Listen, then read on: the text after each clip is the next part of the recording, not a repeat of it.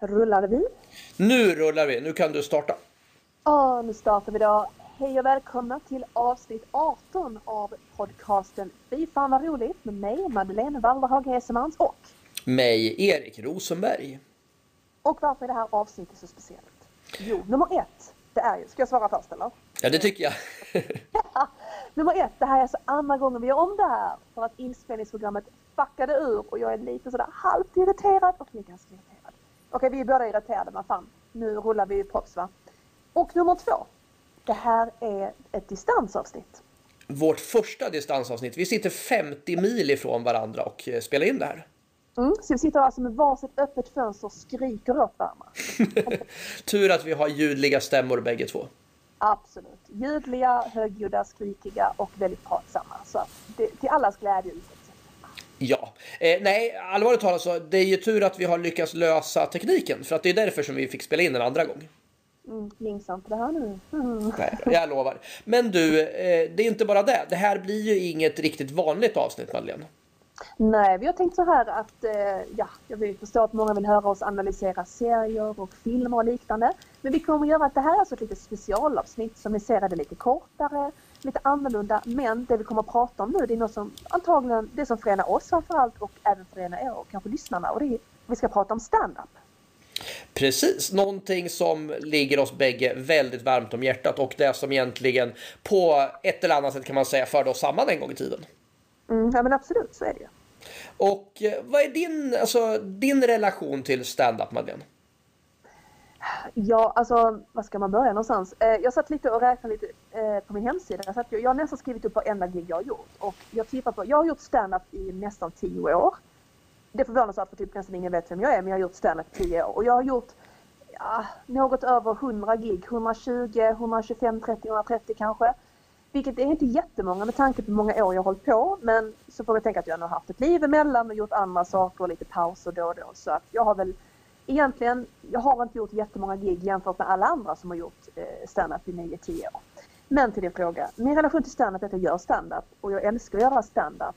Och jag eh, har alltid älskat stand-up och humor i olika former. Um, så kan man väl egentligen typ sammanfatta det som egentligen. Och ja, men, då får du svara på samma fråga då. Din relation till standup?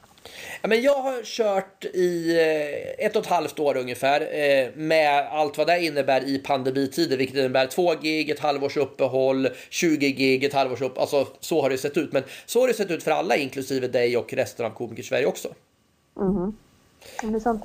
Ja, så, så är det. Så att jag har väl ett, ett 30-tal gig totalt på, på ett och ett halvt år. Ehm, men, och, och började egentligen, jag, jag är ju kompis med Magnus Bettner och, och det var väl så liksom att jag har ju varit en fanboy av, av stand-up. Och sen när jag pratade med honom så blev det till slut så att jag bara, men jag vill ju testa det själv. Mm. Och på, på den vägen är det. Och... Eh, och, och, sen så, ju mer som jag har liksom pratat stand-up med både med dig och med andra, desto roligare tycker jag att det är. Desto mer vill jag ju liksom prova. Du har ju liksom varit med under hela, nästan hela liksom min, min stand-up-karriär. Men det kan man väl i princip säga faktiskt att jag har varit, jo egentligen är det mm. så. så. På något sätt liksom varit där i faggorna, lurat. Nej men det, det, det är kul alltså. Och vi har ju giggat, vi har bara giggat typ en gång. Faktiskt. Ja, så är det ju faktiskt. Men det är inte så konstigt heller med tanke på som sagt för att under större delen av den tiden vi har känt varandra så har det ju varit ett, ett pandemiuppehåll. Så att den första av, av flera gånger med tanke på att alltså, scenen är ju inte jättestor i Sverige.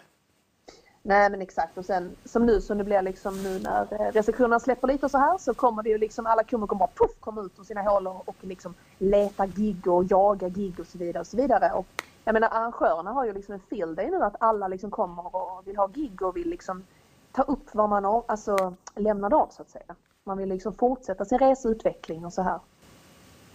Ja, och eh, frågan är egentligen vad tror du liksom, här, tror du att vi kommer komma tillbaka exakt till samma punkt eller tror du att det har liksom förändrat någonting det här?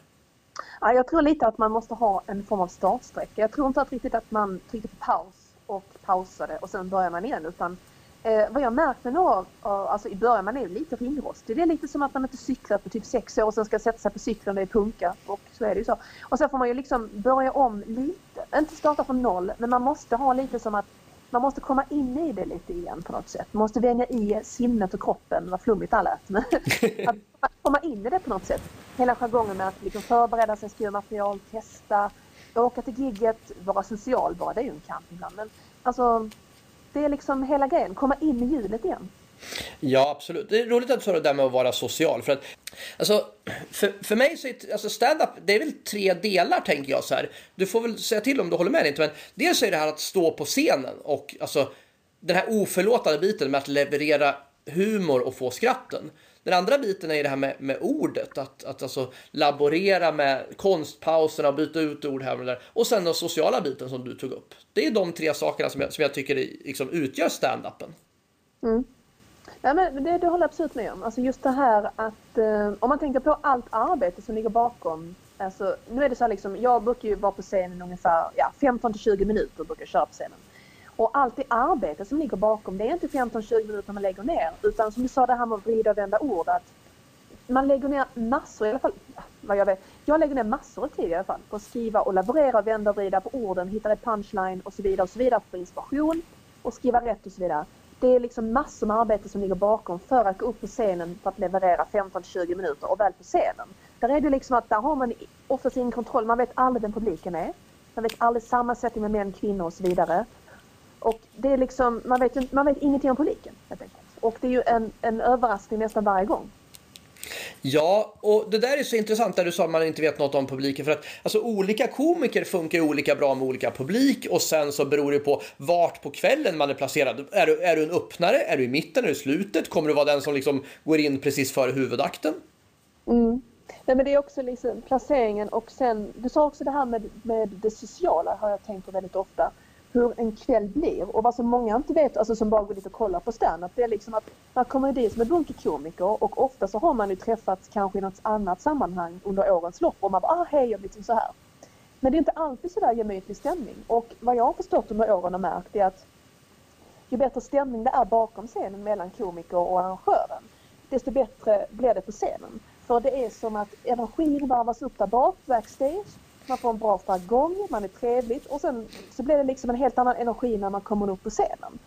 Det finns ju vissa tillfällen man kommer dit och folk hälsar inte ens, vilket jag tycker är helt fucked up. Vi är kollegor, vi är inte fiender liksom. Man kan säga hej, men ingen är för fin för att säga hej, säga lite så här bittert. För det finns många som inte ens, som är lite för fina för att hälsa och det tycker jag de kan ta och stoppa upp i röven ärligt talat. Ja. Men jag tycker att så fort stämningen är gemytlig och trevlig så blir det liksom helt annorlunda. Det är något jag har upptäckt genom åren.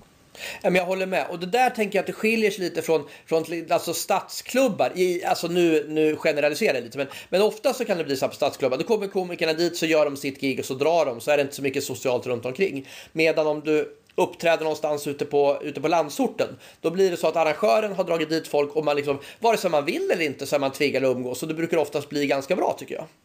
Mm, men det tycker jag också. Det var vad vi sa tidigare, någon sån där man blir fast på en öde ö liksom nästan med vissa komiker. Man måste prata med dem. Fan är den människan här? Alltså, måste... Vilka fem komiker? Så är det det som de kallar i The Office, Des Desert Island? Alltså le leken där som man har de här olika varianterna. Nämligen glöm så Nej, men med tanke på det här med, um, med uh, preparation, så heter det, förberedelserna inför så här. Det finns ju vissa vissa komiker, eller komiker, det finns ju vissa, det är så att det finns ju tryout-klubbar, för det som inte är insatt, det finns ju tryout-klubbar liksom lite överallt i landet. Där liksom vem som helst i regel kan gå dit och bara köra liksom och testa nya saker. Men det finns ju vissa där ambitionsnivån inte är så jättehög. Alltså, det har vi pratat om också tidigare tror jag, att det här att vissa går bara dit och kör grejer, ungefär som att de sitter och snackar med sina killkompisar. För det är oftast killar, ärligt talat. Ambitionsnivån är låg och man bara, aha nu ska jag vara lite rolig, och så går man upp och drar lite till Bellman-skämt och tar någon annans tid. Alltså jag menar det finns ju folk som är jätteambitiösa och vill visa upp och utvecklas och verkligen göra det här. Men de får liksom inte tiden för att det är någon jävla unge som ska liksom stå och ta sju minuter sentid och dra, dra Bellman-historier. Man bara okej. Okay. Ja men exakt så. De, oftast har de fått höra av polarna så här, men du är rolig, du börjar Och då tror de att det räcker med att gå upp och vara lite spontanrolig. Och det är ju inte ens det, är inte ens det som stand-up handlar om. Ja men liksom man ska ändå få liksom att man ska liksom ha en jargong med publiken att vi är kompisar och att vi, liksom, vi kan snacka tillsammans, vi är på samma nivå. Ingen är bättre än den andra. Men på något sätt blir det lite som att det blir så, det blir lite för, uh, amatörmässigt, får man säga det? Amatörmässigt. Det blir lite att de bara är där för att det här jag ska vara i rampljuset och annonser eller så som idag. Och, nej, jag tycker att lämna den platsen åt någon som verkligen vill. Det finns många ambitiösa nya och alltså som verkligen vill det här. Ge dem tiden istället liksom. Alltså, två, jag håller helt med. Och egentligen två saker som de, de som, alltså de som kan, har tittat lite på stand-up förstår ju det här ganska snabbt. Men, men det, två saker som man liksom ska, så två reveals vi måste göra, det är ju att nästan ingen ståuppkomiker improviserar ju speciellt mycket. Nej, det är ju helt sant. Det är alltid liksom hur improviserat och spontant den låter. Tyvärr, had to break it to you, men det är faktiskt inövat. Ja, det är ju nummer ett. Och nummer två är ju att nästan ingenting du hör är... Alltså det är klart att du kan höra lite nya saker, men ofta så ställer vi oss och kör samma sak om och om och om och om igen. Och fördelen med det är att det blir bättre och bättre ju längre man kör. Alltså, den gamla myten, eh, det skämt blir inte roligt 30-50 gången. Jo, kanske inte för samma person, men, men ett skämt blir faktiskt roligare och roligare ju, oftare, ju längre man drar det. Mm. Ja men det är sant, det är helt sant. Och man, för varje gång man ser det så får man en ny infallsvinkel och det är som att läsa om en bok eller en dikt eller någonting, att man ser det på ett nytt sätt för att man får nya erfarenheter. Och när man ser på det i en kontext med en annan publik och ett annan, en annan klubb och annan stad så får man genetvis ett nytt ljus på det hela. Och det är också fascinerande rent psykologiskt hur man kan ändra åsikt om sitt eget skämt. Att det blir bara bättre och bättre. Ja, och jag menar både du och jag, nu har ju du kört mycket längre med men både du och jag har ju skämt kvar som vi fortfarande kör från liksom verkligen the very beginning. Men de är mycket bättre filade och de är bättre anpassade det är bättre timing i dem för att man har utvecklats. Ja men absolut. Ja, men jag har ju kvar några, alltså mitt, det absolut första skämtet jag skrev har jag typ kvar men jag har bara liksom ändrat om det lite. Bara sådär friserat om det. Men grunden är ju liksom kvar, det här absurda liksom. Det är jätteroligt, för jag har också kvar det absolut första skämtet som jag någonsin skrev. Och jag har plockat in det typ nyligen, för först nu känner jag hur jag kan använda det i min rutin. Mm. Nej men samma här. Det, vissa saker måste man liksom bara växa i och bottna i. Och sen ibland i livet, i vissa perioder känner jag att nej, men jag vill inte prata om det här. Jag, vill liksom, jag känner inte för det, utan jag väntar lite. Och sen nu är det rätt. Så tajmingen både med publik och tajmingen med i livet var man är och säga sitt material. Ja, och det där är ju väldigt roligt. Både du och jag, du och jag skrattar ju åt samma saker, men mm. Och vi gräver i stort sett alltså, i, i, mycket ur sam, samma högar med vad vi hämtar inspiration ifrån. Men det konstnärliga uttrycket, ursäkta pretensionerna här, men det konstnärliga uttrycket hos oss är ju väldigt olika. Vi är ju väldigt olika som komiker. Mm, ja men det är vi. Alltså precis. Vi har ju, ja men exakt. Vi har ju väldigt olika uttryckssätt och olika ton i det vi berättar och olika sätt att framföra humorn. Jag skulle säga att vi är totalt olika där egentligen faktiskt. Ja, men det, skulle jag också, det skulle jag också göra, eh, säga. Men, men, men med, med det sagt så tror jag att en person som uppskattar dig kan uppskatta mig också för att vi har liksom samma typ av... Alltså jargongen är ju lika fast tekniken och, och berättarstilen är olika. Mm, ja men absolut, absolut. Vi har lite annan approach. Men som, ja men exakt som du säger, vi har ju liksom det här... Jo, det har vi lite absurda Jo men det har vi faktiskt. Ja. De, man får nästan se oss på scenen för att de ska förstå. Att sitta och förklara sitt standup Nej, och man kan inte gå in och förklara specifika skämt. För är det någonting som... Alltså, det, det, blir så dåligt att förklara humor så att det nästan blir roligt i sig av att det blir så dåligt så att säga. Ja precis, man ska nog helst låta bli ändå. ja. Men du, en sak som jag funderar på om vi ska göra en liten avstickare. Mm -hmm. Vi pratade om det här med, med eh, vart man är placerad och så på kvällen. Det kan vi prata mer om. Men det finns egentligen två olika upplägg tänker jag med, med en standup-kväll. Det, det, det, ena är ju att man har då en fördelning där alla komiker drar ungefär samma last, det vill säga publiken har ingen, liksom ingen är någon superstjärna och kanske ingen är någon total rookie som kör första gången utan alla alla är väl någonstans mellan att ha gjort liksom några gig till att ha gjort ganska många gig men, men man är liksom en mellankomiker låter hårt, men, men man, man gör ungefär samma, man, man, man drar ett gemensamt lass under kvällen. Det vill säga alla mm. kör kanske mellan 7 och 12 minuter.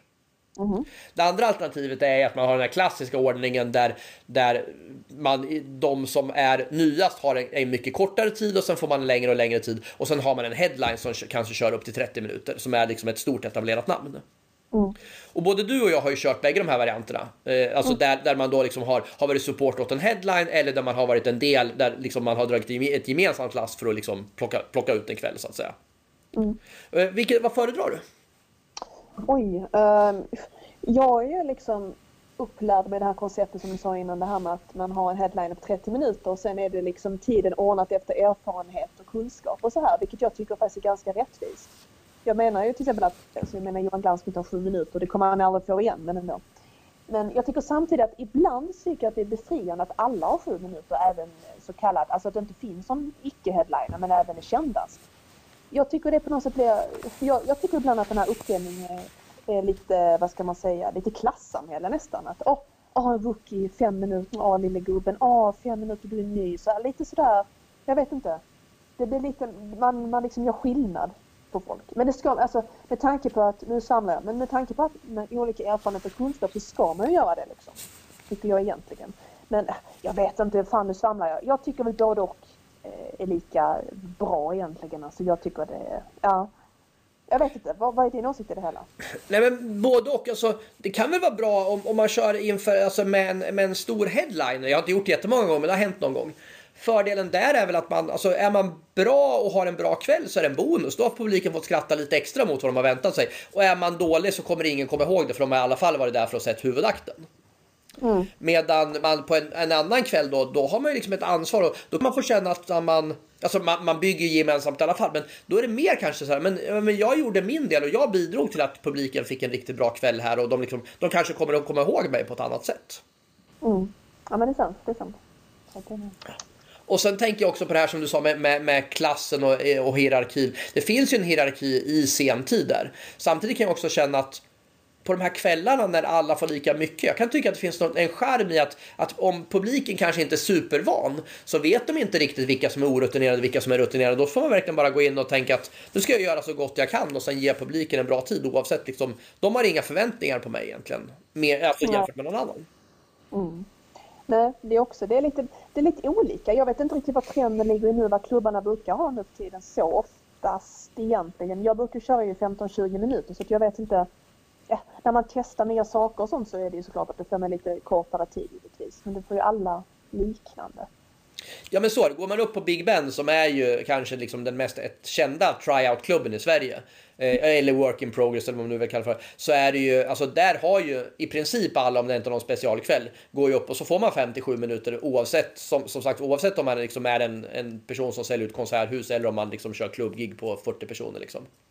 Mm. Ja, men det tycker jag är befriande. Alltså det tycker jag är skönt att det är så att alla är där på lika villkor på det sättet. Mm. Ja, men jag håller med, det är coolt. Och jag har ju själv, så här, även om jag fortfarande i, i, i stor mån får räknas som en rookie-komiker så, så vill jag, alltså jag blir ganska glad när man inte presenterar mig på scen som en, som en färsk komiker eller en rookie-komiker. Inte för att jag tycker att det är något, alltså det är ingen nedsättande i begreppet, men jag kan också känna så att jag vill komma bort från det här att publiken ska applådera för att vara snälla, utan jag vill bara så här, ja, men, applådera eller, eller skratta om ni tycker jag är bra och gör det inte om jag inte är bra. Eller jag vill bara bedömas för det jag levererar på scen egentligen. Mm. Nej, men jag, jag känner det också i början också, alltså de, mitt, mitt första år, så blev det lite där att ja men här är ett nytt stjärnskott eh, och någon har på så länge, bla bla bla. Och liksom det är klart att, som du sa, det är två olika sätt. Att antingen bäddar det för att om komikern, alltså man, man liksom bäddas in lite i bomull på något sätt att åh jag måste skratta, han, hon är henne ny liksom. Eller så blir det lite att aha, ja ja hon är, hon är kass eller han är kass liksom för att hon är ny eller han är ny liksom. Och som du sa, det är inte heller roligt. Jag, men det värsta är när man blir presenterad som det. Så här, Åh, här kommer en tjej och hon är rolig ibland. Man bara, här kommer en rolig tjej. Man bara, mm, det måste med mitt kön i det här också. Men ja, det finns ju olika sätt man kan. Nu, nu händer ju inte det så ofta längre. Eller det händer inte alls rättare sagt. Men, ja, men just det här med prestationen. Och jag tänkte på det här med, på tal om det, med konferencier och liknande. Hur, vilka roll de har i det hela. Ja, det där är intressant. Jag, jag körde ju på, på Mafia häromveckan med, eh, och då var Ben Richards konferencier. Mm. Och han gick fram då innan, jag kände inte Ben speciellt bra, och bara ställde frågan bara så här. Eh, vill du att jag säger någonting speciellt? Och jag gillar det, bara den gesten. Istället för att bara gå upp och säga så här, ja, nu är det dags för Erik Rosenberg. Mm. Ja, men jag, jag tycker liksom att jag har varit konfa några gånger och det är liksom, jag tycker ändå att det ligger i ens ansvar som konferenser att höra med komikerna. Hur vill du bli presenterad? Vad kan du berätta något om dig själv som jag ska säga? Men man vill ändå ge komikern och som själv som komiker vill man ha den absolut bästa startsträckan när man kommer upp till publiken och man inte är ett officiellt eller känt namn när man inte är Petrina Solange liksom. Man vill ändå ha att publiken har någon form av kontext, vem man är. Eh, och jag tycker det är befriande när att liksom, jag blir så glad när en konferencier liksom frågar vad jag vill eller mitt intresse. Sen vet jag inte om det uppfylls men att intresset finns. Som Ben Richards gjorde för det, vilket jag tyckte var jättefint. Jag tycker att det är jättebra. Och du pratade om det här med, med att arbeta med, med materialet så. Alltså där finns det också väldigt många olika olika skolor och olika tankar. Och även bara alltså, från, från kväll till kväll. Jag menar, utifrån vart du blir bokad någonstans så har du också alternativet. Alltså, ska jag gå upp och bara köra safeade grejer och göra liksom ett tight set eller ska jag liksom expandera lite och testa lite olika saker? Har du någon favorit med vilken typ av kvällar du tycker är roligast? Jag skulle väl nu säga att jag, jag tycker bäst om när det är verkligen bestämt, när jag får köra det materialet jag är bekväm med och kan och jag vet vad skratt på. Sen kan man ju förstås aldrig, man ska ju alltid, säga så här, man ska alltid ta varje gig som ett helt nytt gig. Man kan aldrig leva på det förra giget. För att jag, jag ser det som ett clean slate. Varje, varje gig är ett nytt vitt blad. Ny carpe diem-grej. Alltså man ska liksom in och göra sitt bästa. Allting kan hända. Ny publik, nya möjligheter, nya komiker, kollegor, ny plats. Det finns ingen kväll som är lik den andra liksom. Så för min del så tycker jag att när man har lite kontroll över läget, att man vet att det här brukar funka jävligt bra, jag kör det. Eh, ja men som till exempel kvällar som, alltså när man, ja men typ varit på Maffia som jag också kört eller på Norra Brunn där man kör ju såklart grejer man vet funkar, man kan inte testa nytt där liksom. Men det är klart att det är intressant att testa nytt på Ben och så här, det tycker jag också är jätteroligt. Ja precis, och jag håller med dig. Jag kan ju tycka att det är få saker som ger sån tillfredsställelse som man har liksom ett material som man har kört många gånger som bara så här. Och ikväll satt det där materialet som jag har kört så länge exakt som jag vill ha det. Precis det där utförandet som jag verkligen har letat efter. Det, den perfekta leveransen. Mm. Precis så. Det är häftigt. Ja, men jag, det tycker jag också är väldigt häftigt. Och när det väl händer så blir det liksom dopamin tillförsel av dess, alltså utav dess värld. Liksom. Det är sant. Exakt. Och det här vi pratade om med, med upplägget på en kväll. Alltså, vad, vad, för, alltså, vad föredrar du? Alltså, har du någon så här önskemål? Så här, jag vill vara sent, jag vill vara tidig, jag vill öppna? Eh, absolut inte öppna. Jag är ingen öppningskomiker. Jag kan göra det. Alltså det är klart att man, eh, får man den platsen får man ju ta den platsen liksom. Så man ska ändå göra det man vill till tycker jag. Men ja, jag föredrar att inte vara först om jag ska vara helt ärlig. Eh, efter pausen tycker jag är rätt skönt för att då kan man känna av stämningen i pausen. Men då är det viktigt att kvällen inte blir för lång för det finns inget värre än ett trött publik som bara sitter och hänger, vill hem, ja nu går min sista buss och tåg. Det går liksom inte eh, hur bra man än är. Men ja, absolut. Jag tycker efter pausen någonstans där innan headliner, det tycker jag är fantastiskt. Det tycker jag är den bästa stället. Alltså, jag, jag, känner igen det där exakt det där du sa med att det är viktigt att kvällen inte blir för lång. Man har ju sett att ibland så blir det tendenser till långa kvällar och speciellt då efter, om man har haft en lång första akt, att det händer någonting. Alltså publiken kan komma tillbaka efter paus och känns som en annan publik. Mm. Ja men eller hur, efter lite kisspaus och sånt så är det som en helt ny värld. Ja, och, eh, och, och så. Men, men jag är nog egentligen, jag håller med dig, jag är inte heller någon öppnare. Jag tror liksom att en öppnare ju vara liksom en, en bred komiker som, som egentligen är, är stabil på att liksom leverera sitt material på ett säkert sätt. Och jag menar, nu menar inte jag att, att, liksom, att en bred komiker inte, alltså att en, att en inte bred komiker inte är stabil, men jag tror man måste både vara stabil och bred i sin humor. Mm. Ja men absolut, man måste kunna, ja men exakt, man måste vara lite välkomnande in på något sätt. Man kan inte vara, man kan inte vara för absurd, rå eller eh, snuskig. Det kan ju avskräcka lite. Ja men precis, jag tror liksom att publiken måste känna sig trygg i det där. Då, då kan man liksom som, som arrangör då lägga in kanske lite mer wildcards lite senare under en kväll tänker jag. Mm, absolut. Men om vi ska avrunda det här då. Vad, eh, här, vi har ju ett ligg framöver. Mm. Så jag tänkte, kan väl avrunda lite med att berätta liksom lite kort bara så här utan att avslöja helt liksom, för det tillkommer nya datum så här men liksom, vad kan man se oss framöver? Vill du köra det först? Ja men det kan jag göra. Jag kör på lördag kör jag på Star Comedy på Söder i Stockholm som jag tycker är jätteroligt. Då blir det nog ett, ett liksom set där jag kör liksom mitt, mitt material som jag, som jag kan bra. Och sen så kör jag på Pitches på Mariatorget på tisdag nästa vecka. Eh, och då blir det också material som jag kan bra tänkte jag säga. Även det, det, blir, det, blir nog, det blir nog ganska liknande, liknande föreställningar på bägge två. Men bägge på Söder, så det är mina, mina två kommande gig. Mm. Och du då? Ja, eh, vad ska man säga? Ja, men jag, jag kommer vara faktiskt en hel del i Uppsala och Stockholm nu under de här november december månaderna faktiskt. Massor av gånger till och med. Eh, men jag ska faktiskt också köra på Jonas Dillners klubb som du sa precis, eh, Pitchers Mariatorget i Stockholm. också, men det blir i mitten på november. Och sen i slutet på november så har jag eh, faktiskt på Knivsta Comedy i Uppsala, i Evas klubb, Eva Widing Bassers klubb ska det nämnas. Också. Och såklart så är det ju massa annat emellan där, men det är något som man får hålla utkik efter på sociala medier. Jag tänker inte pitcha allt.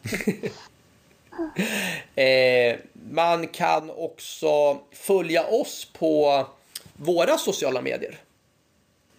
Det tycker jag. Våra, du menar våra privata Insta och Twitter nu va? Allt skit vi lägger ut där va? Eh, ja, både och. Jag tänker att man kan följa både podden och oss. Men vi kan börja med våra, våra, våra privata är ju under våra egna namn.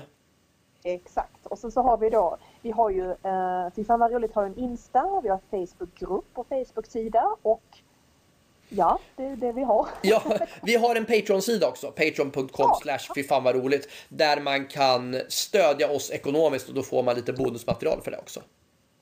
Yes, det tycker jag faktiskt man ska göra. Det är faktiskt fina, roliga saker vi lägger upp där också. Ibland lite snuskigt också ifall det skulle sälja lite. Absolut. Men de säger sex, sex och naket och chockeffekter säljer. Mm, och det är precis det vi upptäckt på vår papper också, eller? Så är det. Ha, ska vi säga tack och adjö och önska dem välkomna tillbaka framöver? Absolut. Det kommer ju komma ett vanligt avsnitt så kallat eh, inom kort i början på oktober. Så håll ögon, öron och alla öppningar sig öppna. Så, håll utkik. Gud.